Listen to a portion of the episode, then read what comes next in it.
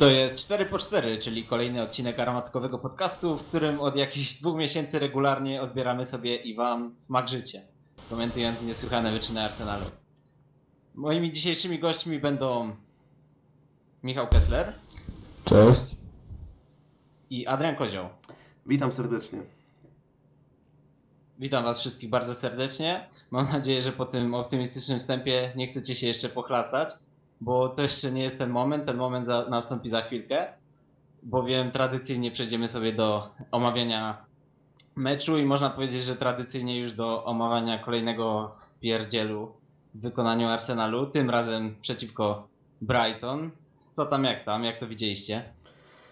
O Boże. Ah shit, here we go again. Mówiąc e, głosem Karla Johnsona z e, GTA San Andreas. No tak to wygląda. Po raz znowu dzień świstaka. Znowu mamy to samo. Znów nie potrafimy wygrać meczu. Znowu na własnym stadionie. Przegrywamy na litość boską z Brighton, które jest jednym z głównych kandydatów do spadku obok takich e, fantastycznych klubów jak Watford, e, Southampton czy Norwich. czy nawet Everton, który no, pożegnał Marco Silva wczoraj po porażce niedawnej z, z Liverpoolem w derbach Merseyside. E, to jest dramat, naprawdę, bo no, po prostu nie dało się na to patrzeć. Początek meczu Brighton presuje Arsenal na ich stadionie. No po prostu coś nie, nieprawdopodobnego.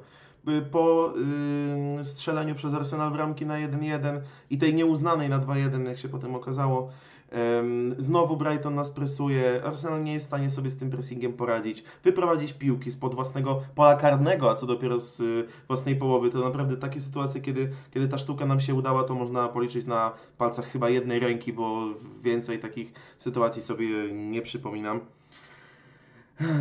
Wyglądało to po raz kolejny bardzo, bardzo źle. Ja szczerze mówiąc nie widzę tutaj żadnej poprawy względem tego, co było y, za Unai Emery'ego, bo o ile ten mecz z Norwich, no w porządku, trudny teren, tam, tam się wykrzaczył Manchester City swego czasu, y, Pepa Guardioli, no to w porządku. Tam remis jeszcze powiedzmy, że można przyjąć, mimo tego, że Norwich jest w strefie spadkowej, ale już z Brighton na własnym stadionie, który jest takim które to właśnie Brighton jest takim odpowiednikiem Stoke City Tonego Pulisa, które ma takich drwali w swoim składzie. E, jeżeli my nie potrafimy wygrać, a co dopiero, że my z nimi przegrywamy i to Brighton naprawdę stworzyło sobie więcej okazji niż Arsenal, miało więcej posiadania piłki na The Emirates, to jest absolutnie nie do zaakceptowania i jest to po prostu tragedia. Komentatorzy podczas y, poprzedniego meczu z Norwich em, mówili, że Arsenal ma atak na Champions League, pomoc na środek tabeli, natomiast obronę ma taką, że mogłaby ich spuścić do strefy spadkowej. Po części się z tym zgadzam, ale jednak nie do końca, bo zamieniłbym od niedawna przynajmniej zamieniłbym ze sobą środek pomocy i obronę, bo to obrona gra na powiedzmy tam środek tabeli może troszeczkę niżej, natomiast to, natomiast to środek pomocy gra e, tragicznie, gra właśnie na strefę spadkową. Yy, i jest no po prostu jeden, jeden, wielki, jeden wielki dramat. Myślę, że taki do wyróżnienia ze środka pomocy to jest tylko i wyłącznie e, granic Szaka, który wraca po tej dłuższej nieobecności spowodowanej e, wiadomo czym, wiadomo, wiadomo jakim zachowaniem. E, ale widać, że ta przerwa akurat zrobiła mu dobrze, posłużyła mu. Szwajcar odpoczął przede wszystkim mentalnie. Natomiast reszta środkowych pomocników to jest jakieś nieporozumienie. Joe Willock zabijał się o własne nogi, zresztą zmieniony w przerwie przez Nicole Pepe. E, Lucas Torreira, który nie wiedzieć dlaczego on jest ustawiany wyżej, a to jest typowy defensywny pomocnik. Zresztą on nawet na e, pozycji defensywnego pomocnika nie za dobrze sobie radzi w tym sezonie, bo no po prostu jest bez formy. Też e, są pogłoski, że opuścił się w treningach, więc no nasz środek pola delikatnie rzecz ujmując nie gra najlepiej i jest to, jest to myślę, jest to myślę eufemizm. Tutaj przechodząc do linii ataku, no to co, no udało się strzelić w ramkę Alexandre Lacazette, natomiast nie był to dobry mecz e, Francuza. Ten gol nie może nam tutaj zatrzeć yy, wrażenia, jakie Francuz po sobie pozostawił. No ale kto na Boga pozostawił po sobie pozytywne wrażenie e, po tym spotkaniu? Patrzysz, jesteś kibicem Arsenalu, patrzysz wynik 1 do 2 z Brighton. I myślę, że ostatnie, czego w takim meczu się doszukujesz, to pozytywy. Y, Więc y, takim pozytywem, może oprócz tego Granita Czaki, którego wymieniłem, może byłby jeszcze Bern Leno, do którego naprawdę nie można się przyczepić i który jest troszeczkę niesprawiedliwie oceniany przez fanów innych y, drużyn z Premier League, którzy nie oglądają spotkań Arsenalu i nie wiem, nie wiedzieć czemu e, stawiają em, Niemca za takimi golkiperami jak Kasper Schmeichel czy Rui Patricio. Y, Także no, Leno jest niedoceniany, ale no po prostu w tym momencie przerasta Arsenal i nie zdziwię się, jak on za jakieś 2-3 sezony, może nawet szybciej, wyląduje w Bayernie w miejsce Manuela Neuera, który no już młodszy nie będzie, ale lepszy też nie, bo skończył 33 lata. Także podsumowując jeszcze raz ten mecz, dramat i ja nie wiem, co tu się w ogóle wydarzyło, co się w tym momencie dzieje na The Emirates. Arsenal jest dziesiąty, ma ujemny bilans bramkowy i szanse już w tym momencie na top 4 są dosłownie minimalne, y, dlatego że o ile się nie mylę, mamy jaką, y, 8-10 punktów straty do top 4. To jest, to jest jakaś tragedia i nie wiem, skupmy się chyba na tej Lidze Europy, bo w Premier League to my niczego nie ugramy, przynajmniej dopóki nie pojawi się tutaj nowy, nowy szkoleniowiec. Jest po prostu tak samo jak za Unai Emery'ego, a nie wiem czy nie jest gorzej, bo ten mecz to po prostu przedał czary goryczy. O tym porównaniu, o tym porównaniu tego, jak wyglądają występy za Frediego Lundberga y, i jak wyglądały wcześniej za Unai Emery'ego, to jeszcze, jeszcze wrócimy, do to jeszcze porozmawiamy. Natomiast chciałbym jeszcze stricte skupić się na tym meczu. Y, Chciałbym, żebyś Michał się wypowiedział, jak to widziałeś. Generalnie wydaje się, tak jak Adrian powiedział, że ta obrona gra trochę lepiej, natomiast dalej, dalej widzimy wiele takich y, pojedynczych mm, wylewów, jak się teraz mm, często mówi. Y, Takich akcji niezrozumiałych kompletnie, kiedy to zawodnicy Arsenalu odpuszczają krycie, gubią je we, we własnym polu karnym, nie są przypilnować zawodników rywali w, ne- w newralgicznych pozycjach. Też warto, myślę, chwalić y, Piera Emerika Aubameyanga, który co prawda nie strzelił gola, ale y, pomimo tego, że strzelał je we wcześniejszych spotkaniach, to wydaje mi się, że właśnie przeciwko Brighton zagrał jeden z lepszych meczów ostatnio. Co ty powiesz na to, Michał? No, Od ostatnich tygodni towarzyszy mi takie nieodparte uczucie bardziej żenady i smutku, ponieważ zwolnienie Unai Emery'ego miało być takim momentem zwrotnym, momentem, w którym to wszystko się przebudziło. E, Chyba nikt mi nie, nie powie w tym momencie, że ostatnie tygodnie to, to nie była gra pod to, żeby właśnie Hiszpana z tej, pozy, z tej posady y, usunąć. Jest przykre to, bo przegrywamy z drużyną jakiegoś Harry'ego Pottera, która no, jest po prostu śmieszna, jak na standardy Premier League. Powinniśmy takie drużyny mierzyć jako klub y, 15 razy większy.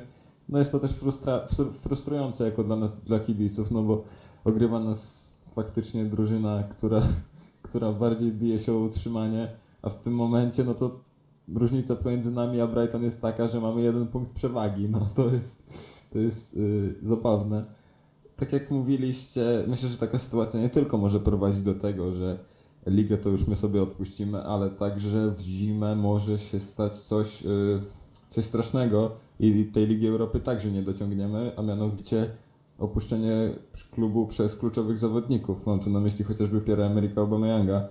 Mimo, że dzierży on opaskę, to y, coraz częściej widuje się plotki o jego ewentualnym odejściu, no co nie ukrywam martwi. Co by tu jeszcze móc dodać? No, Fredrik Klumberg, myślałem, że nie wiązałem z nim, szczerze mówiąc, jakichś wielkich oczekiwań, ale nie spodziewałem się aż tak dużej tragedii. Ponieważ no, był to człowiek, który z tym zespołem jednak jakiś czas y, pracował pod okiem jeszcze Unai Emery'ego. Był to jakiś tam też autorytet, jest w dalszym ciągu oczywiście, no bo legenda Arsenalu, członek Invincibles. Jednak no jednak coś nie zagrało. Ta drużyna prezentuje się chyba tak faktycznie jeszcze gorzej niż było. Przegrywamy mecze u siebie, co jest w ogóle kompletną żenadą. Jedyne co się zmienia to to, że jeden mecz potrafimy zremisować, a następny no to już wiadomo toczy się y, jak się toczy. Martwi mnie jeszcze jedna rzecz, ponieważ patrząc na nasz kalendarz, możemy niedługo znaleźć się nawet w strefie spadkowej. Jest, będzie piekielnie ciężko. I szczerze wątpię, że pomoże tu nawet obecnie jakiś nowy menadżer, bo to jest proces długotrwały, który, który będzie wdrażany bardzo, bardzo powoli, mam wrażenie. Próbował to zrobić Emery, to nie był człowiek, który był w stanie to ogarnąć z miejsca, mówię, ale próbował to zrobić, nie wyszło. Przyjdzie ktoś kolejny, mam nadzieję, że będzie to Mauricio Pochettino, bo faktycznie jest to człowiek, który tę pracę od podstaw jakąś, jaką już, jakąś już wykonał, chociażby na przykładzie naszych sąsiadów z północnego Londynu. Na co, na co liczę? Liczę, że pociągniemy Ligę Europy, odpuścimy sobie totalnie ligę i liczę, że, że nie staniemy się gorszym zespołem w perspektywie niż Manchester United, ponieważ już y, z takimi opiniami się spotkałem, że w perspektywie mamy gorsze perspektywy niż Manchester United. No jest to na pewno straszne, patrząc także na pozycję zespołu z Manchesteru. Kiedy Arsenal gra ostatnimi czasy na, po trybunach boisk Premier League, niesie się taka piękna, piękna, klasyczna przyśpiewka Same old Arsenal, always shitty. E, Generalnie tak to, tak to w tym momencie wygląda. E, Do, dokonaliśmy pewnych, pewnych roszad na stanowisku selekcjonera w sztabie szkoleniowym, ale nie widać zmian. Natomiast ja w tym momencie będę trochę przekorny w porównaniu do tego, co, co wy mówiliście. Mam trochę inne zdanie, ponieważ e, czy możemy mówić, że Freddy okazał się porażką, skoro dostał tak naprawdę tydzień czasu, a w ciągu tego tygodnia rozgrywaliśmy dwa mecze Premier League?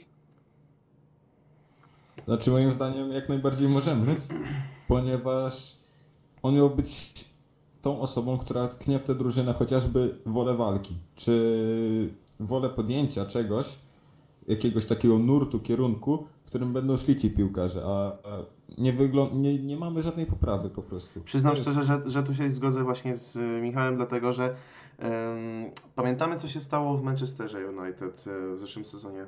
Zwolnienie Mourinho, y, przyjście Ole Gunnara Solskjaera i to momentalnie zatrybiło. Tam zdaje się tam 6 czy 7 zwycięstw y, z rzędu na wszystkich frontach, y, wyeliminowanie z Ligi Mistrzów y, PSG. To jakoś ruszyło. Potem oczywiście to opadło troszeczkę, ale na początek to wszystko wystrzeliło, pojawiła się ta walka, pojawiła się chęć, e, chęć gry u tych zawodników i naprawdę wyglądało to w porządku i u nas e, czegoś takiego nie było, no a fakt, że e, po golu na 1 do 1 i na, po, tym, po tym nieuznanym na 2 do 1 zamiast pójść jeszcze bardziej za ciosem, bo Brighton w tamtym momencie chwiało się na nogach, to było widać, to był ten moment, kiedy można było ich dobić.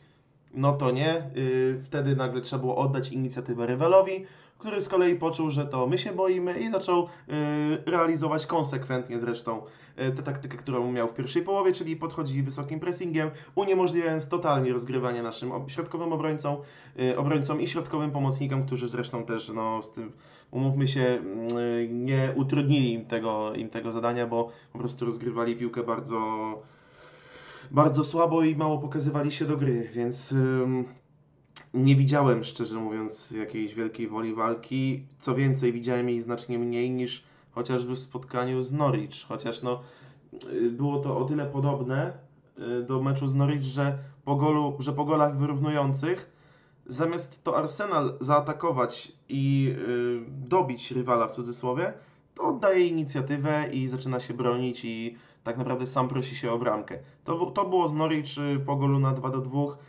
i to było y, z Brighton po golu na 1 do 1, więc ja nie wiem co tam się dzieje. Nie wiem czy to jest wina Frediego, ale pamiętajcie, że zawsze na koniec to menedżer obrywa. Zgadzam się z wami, że, że to y, faktycznie ten wpływ Frediego nie jest taki instant, nie jest taki natychmiastowy, ale generalnie trzeba powiedzieć, że y, tej sytuacji z Manchester United nie można przełożyć jeden do jednego na tę sytuację, którą mamy w Arsenalu.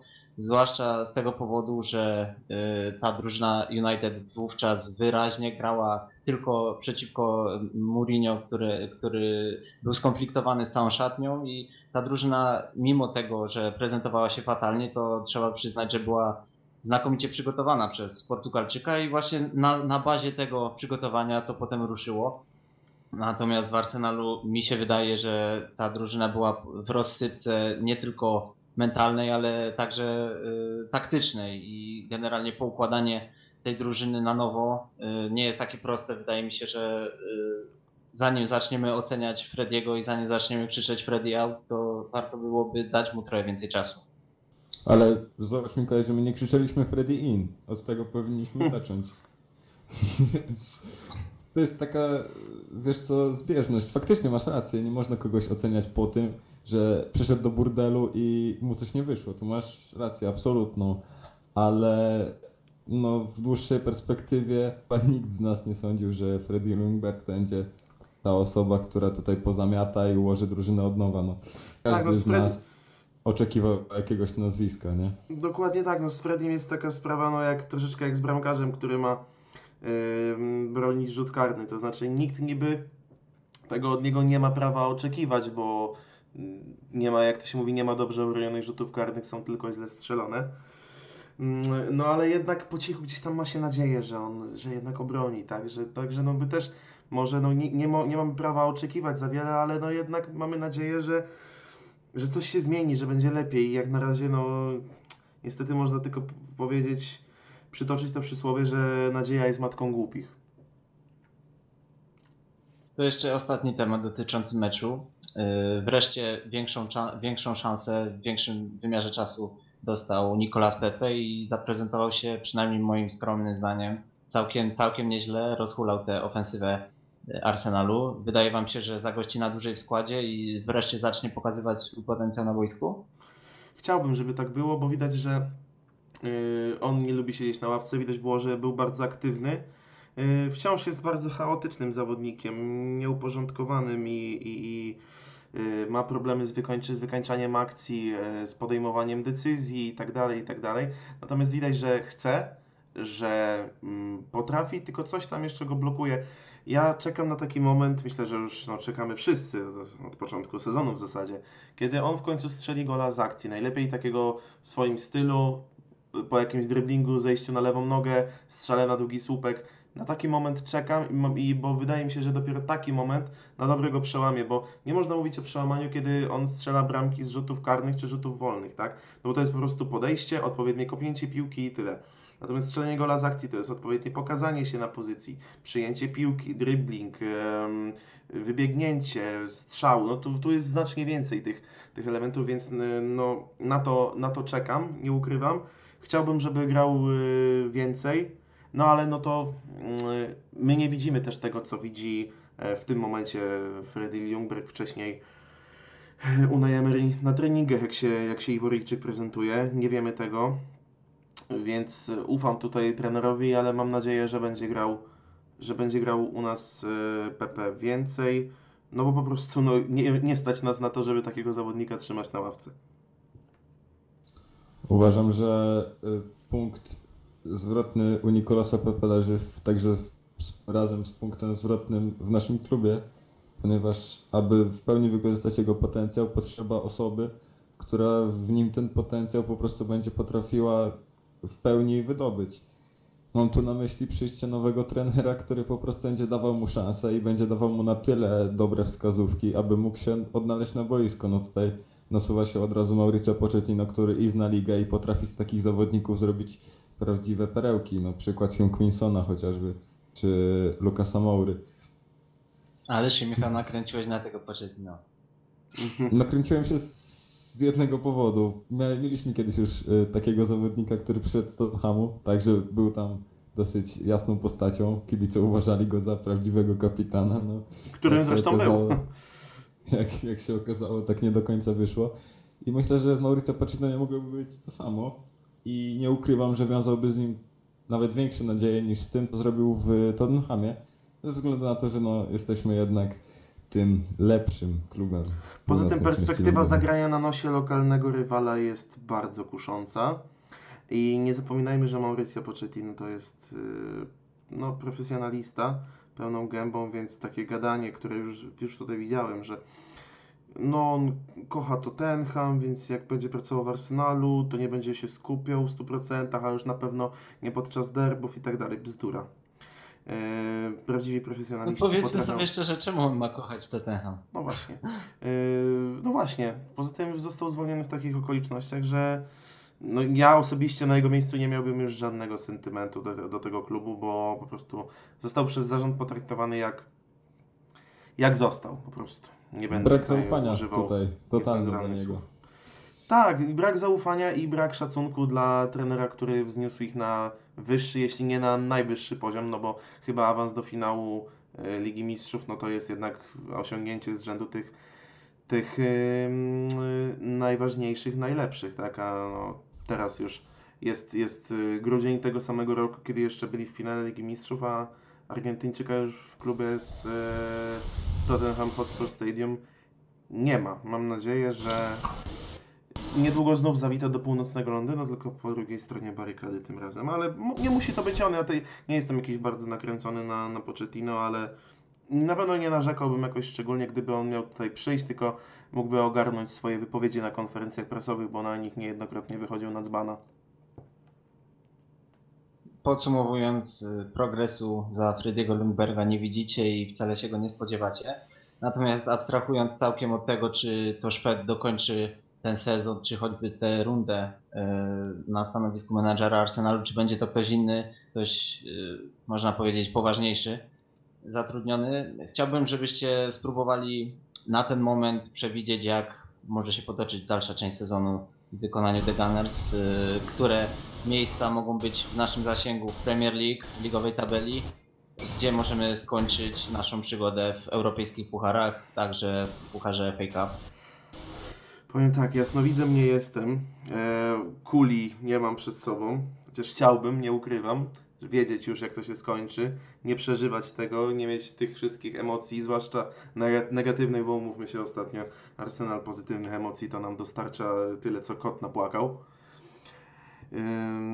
No ale jak miałbym przewidywać na ten moment, czyli na ten moment, kiedy nie mamy jeszcze trenera, kiedy nie wiemy, kto nim będzie, kiedy mamy mi- ujemny bilans bramkowy, jesteśmy zespołem środka tabeli w tym momencie, zarówno y, poprzez zajmowane miejsce, jak i poprzez postawę na boisku, jaką sobą y, prezentujemy, no to wydaje mi się, że ta, ta strefa spadkowa, która nad nami wisi w związku z y, tym terminarzem, który na nas czeka w najbliższych tygodniach, to już nie jest widmo, tylko to jest prawie pewnik, bo nie sądzę, żebyśmy tam coś ugrali. Chyba, że cytując Jerzego Brzęczka, coś naszym zawodnikom przeskoczy w głowie i nagle zaczną, y, nagle zaczną grać y, o niebo lepiej. Nie wiem, może te mecze z mocniejszymi rywalami ich jakoś zmotywują do tego. Nie mam pojęcia, ale wygląda to bardzo źle i jeśli na ten moment miałbym po- powiedzieć, gdzie Arsenal będzie na koniec tego sezonu, to odpowiedziałbym w dupie,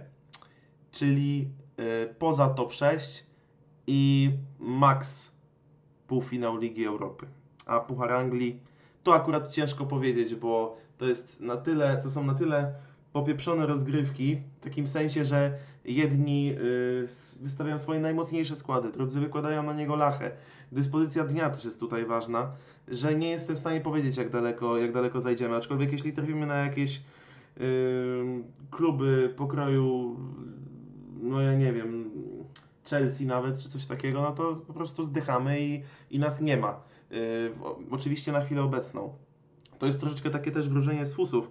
Yy, Pamiętajmy i traktujcie to wszystko z przymrużeniem oka, no bo na koniec sezonu może, może się okazać, że yy, gadaliśmy kompletne głupoty, no ale dzisiaj jest... Wytniemy fragmenty. Tak jest. Dzisiaj jest 6 grudnia, dzisiaj są yy, Mikołajki i, i, mm, no i ta mikołajkowa wróżba nie wygląda przynajmniej na ten moment zbyt ciekawie dla nas. Ja podobnie jak Adrian. Niestety obawiam się, że może być jak u Kononowicza, czyli że nie będzie niczego. No, wygląda to tragicznie. Nie zapowiada się, że będzie lepiej. No, tak jak Adrian chyba to wszystko już powiedział. Nie będę wiele dopowiadał, no bo nawet nie ma o czym. Trzeba się, trzeba wierzyć jedynie, że, że jakimś cudem może coś ugramy z tymi zespołami nie skończymy w strefie spadkowej. To już będzie naprawdę duży sukces. No i że w międzyczasie przyjdzie już jakiś nowy trener, może pewien Argentyńczyk, który zacznie już rewolucję w tym zespole.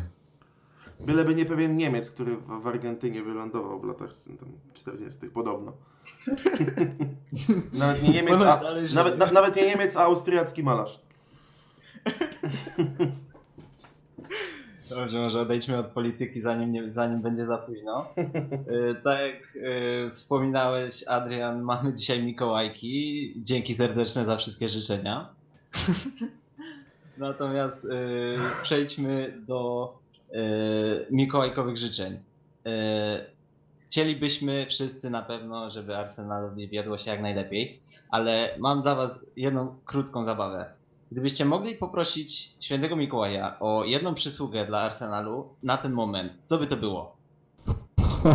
No to jest w moim przypadku raczej oczywiste. Ja bym chciał, żeby przyszedł do klubu Arsen Wenger, nie, no, dobra.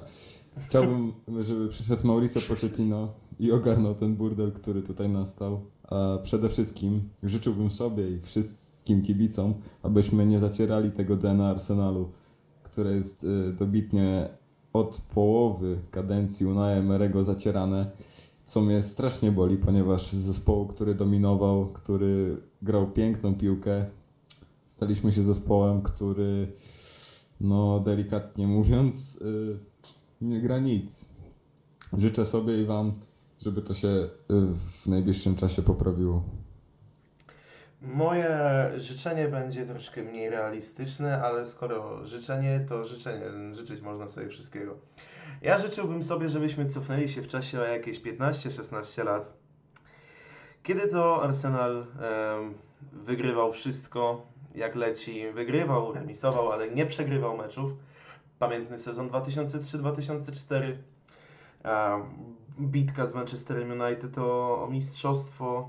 To były wspaniałe czasy Thierry Henry na środku ataku, e, Denis Bergkamp fe- fenomenalny, Patrick Vieira, e, wiele, wiele tych nazwisk, no chociażby dzisiejszy nasz menedżer e, Fredrik Ljungberg, Robert Pires, Sol Campbell, o którym tutaj Michał już wspomniał, em, Kolo Touré, y, Jens Lehmann na bramce, no to były czasy, także chciałbym się cofnąć po prostu, gdybym chociażby na ten jeden, jedyny dzień cofnąć się o te 15-16 lat do tego sezonu 3-4 i zobaczyć raz jeszcze ten Arsenal tak na żywo, bo wiem, że mogę sobie włączyć na YouTubie i obejrzeć, ale nie tak na żywo, z perspektywy jeszcze raz tego małego dzieciaka, który wtedy bardziej niż oglądał te mecze, no, coś gdzieś tam to się widziało w, w telewizji, ale częściej jednak się sprawdzało wyniki na telegazecie, były takie, takie czasy. Yy, I nie ukrywam, że I to to może nie pamiętać. i uważam, że dla mnie to były takie, takie, magiczne, takie magiczne czasy, takie magiczne lata. E, też no, to się wiąże z moim dzieciństwem, więc to, się, więc to się wspomina podwójnie lepiej, podwójnie dobrze. E, także tak, chciałbym się cofnąć w czasie o te kilkanaście lat, żeby Arsenal znów był tą e, potęgą, którą w tym momencie nie jest i pewnie jeszcze długo nie będzie. Słuchaj Adi, jak przyjdzie Maurycy, to nie będziemy się musieli cofać w czasie, bo po prostu tak będzie. Mam taką nadzieję i tego też bym sobie życzył. Sobie i Wam. Tak jest, zgodnie z piosenką męskiego grania życzymy sobie i wam, by nas było stać na święty spokój. To myślę, że powinno być nasze motto naszych kibiców Arsenalu na najbliższe nadchodzące tygodnie. Y, Dziękuję bardzo wam za dzisiejszą rozmowę. Y, Jeżeli nie przyszedł do was Mikołaj, no to przyszedł do was y, Mikołaj przynajmniej w- tym podcaście armatkowym. Mam nadzieję, że zdołaliśmy wam umilić trochę tego czasu. Dziękujemy za wysłuchanie, dziękujemy za Waszą aktywność. Mam nadzieję, że będzie ona stale rosła, będzie coraz wyższa. Prosimy o Wasze łapki w górę, o subskrypcje, o komentarze, żebyśmy cały czas mogli rozwijać nasz kanał. Moimi dzisiejszymi rozmówcami byli, byli Michał Kessler Dzięki, cześć. i Adrian Kozioł. Dziękuję bardzo, kłaniam się nisko.